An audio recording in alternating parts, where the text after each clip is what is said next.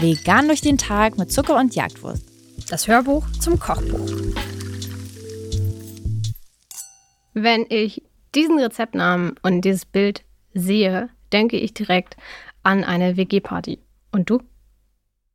Ja, aber da sehe ich nicht das, was ich hier auf dem Nee. Bild sehe. Da habe ich was anderes. Da habe ich so einen ganz grauen Ikea, so einen 10 Liter Ikea-Topf vor Ja, mir, ja, genau.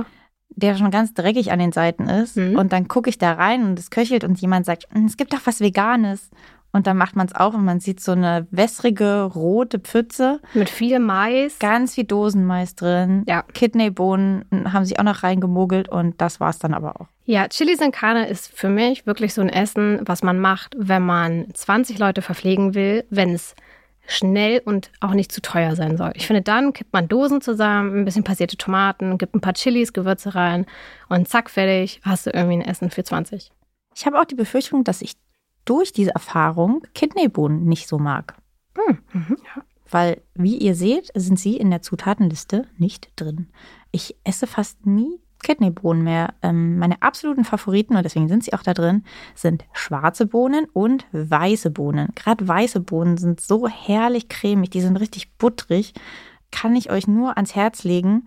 Natürlich, wenn ihr unbedingt Kidneybohnen nehmen möchtet, könntet ihr die natürlich auch hier reinhauen. Aber für mich tatsächlich ähm, haben sie da nichts drin zu suchen. Ansonsten ist da ganz, ganz viel Gemüse drin und das, ihr könnt generell bei diesem Chili sehr viel austauschen, abändern.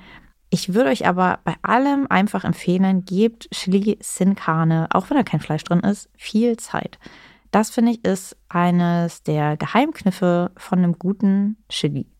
Das einfach Sachen zusammenzukippen und fünf Minuten zu erwärmen, was soll da auch groß passieren? Mhm. Ja, ich finde, es ist wirklich ein bisschen die schickere Variante von einem veganen Chili sin Carne. Es ist ein bisschen ausgefeilter, ein bisschen ähm, feiner abgeschmeckt. Es sind ein paar mehr Zutaten drin, die man halt nicht für 80 Cent in der Dose findet. Ne, eine Süßkartoffel kommt da noch mit rein, da kommen getrocknete Pilze mit rein und so. Es ist einfach ein bisschen die Fünf-Sterne-Version.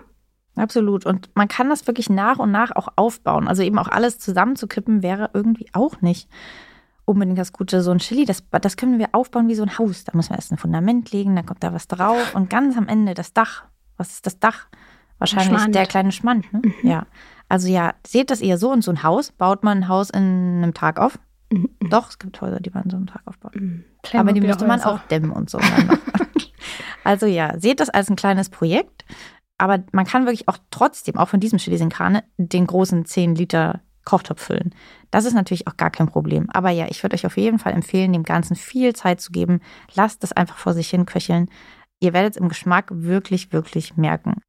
Zwei Geheimzutaten übrigens, die ich nicht reingepackt habe, weil ich finde, sie sind sehr speziell, aber auch interessant, deswegen möchte ich sie erwähnen, sind übrigens Kaffee und Schokolade.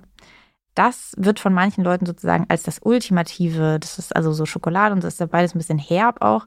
Das kann einem Chili sin Carne nochmal eine tiefere Note geben. Da es aber so sehr speziell ist, habe ich es jetzt mal nicht mit reingepackt. Aber ja, wenn ihr ein bisschen tatsächlich Zartbitterschokolade dort mit Hm. reinpackt, Oder noch ein Espresso von gestern. den Espresso von gestern mit reinhaut, dann auf jeden Fall könnt ihr auch, da fühlt ihr euch auf jeden Fall wie ein richtiger Restaurantchef, wenn ihr das auf der WG-Party äh, serviert und erzählt, dass da noch ein Stück Schokolade mit drin ist. Ansonsten finde ich übrigens auch, dass so ein Chili sin Carne auch super, deswegen ist es natürlich auch in dem Mittagessen mit drin. Ähm, ein super Essen ist, um es einzufrieren, wieder warm zu machen und dann mitzunehmen. Ihr könnt es auch immer mehr sättigen. Also ne, man kann das auch so essen, man kann es aber auch mit Brot essen, man könnte es dann am nächsten Tag aber auch mit Reis mit auf Arbeit oder in die Uni oder so weiter nehmen. Also ich finde, es ist sehr, sehr wandelbar. Korrekt. Und dann äh, wünschen wir jetzt noch allen eine richtig schöne WG-Party. Auf jeden Fall. Haut rein, viel Spaß beim Aufräumen. Trinkt nicht zu viel. Genau, morgen, morgen muss wieder Morgens früh aufgestanden werden. Die erste Vorlesung ruft. Aber wenigstens hattet ihr ein richtig gutes Abendessen.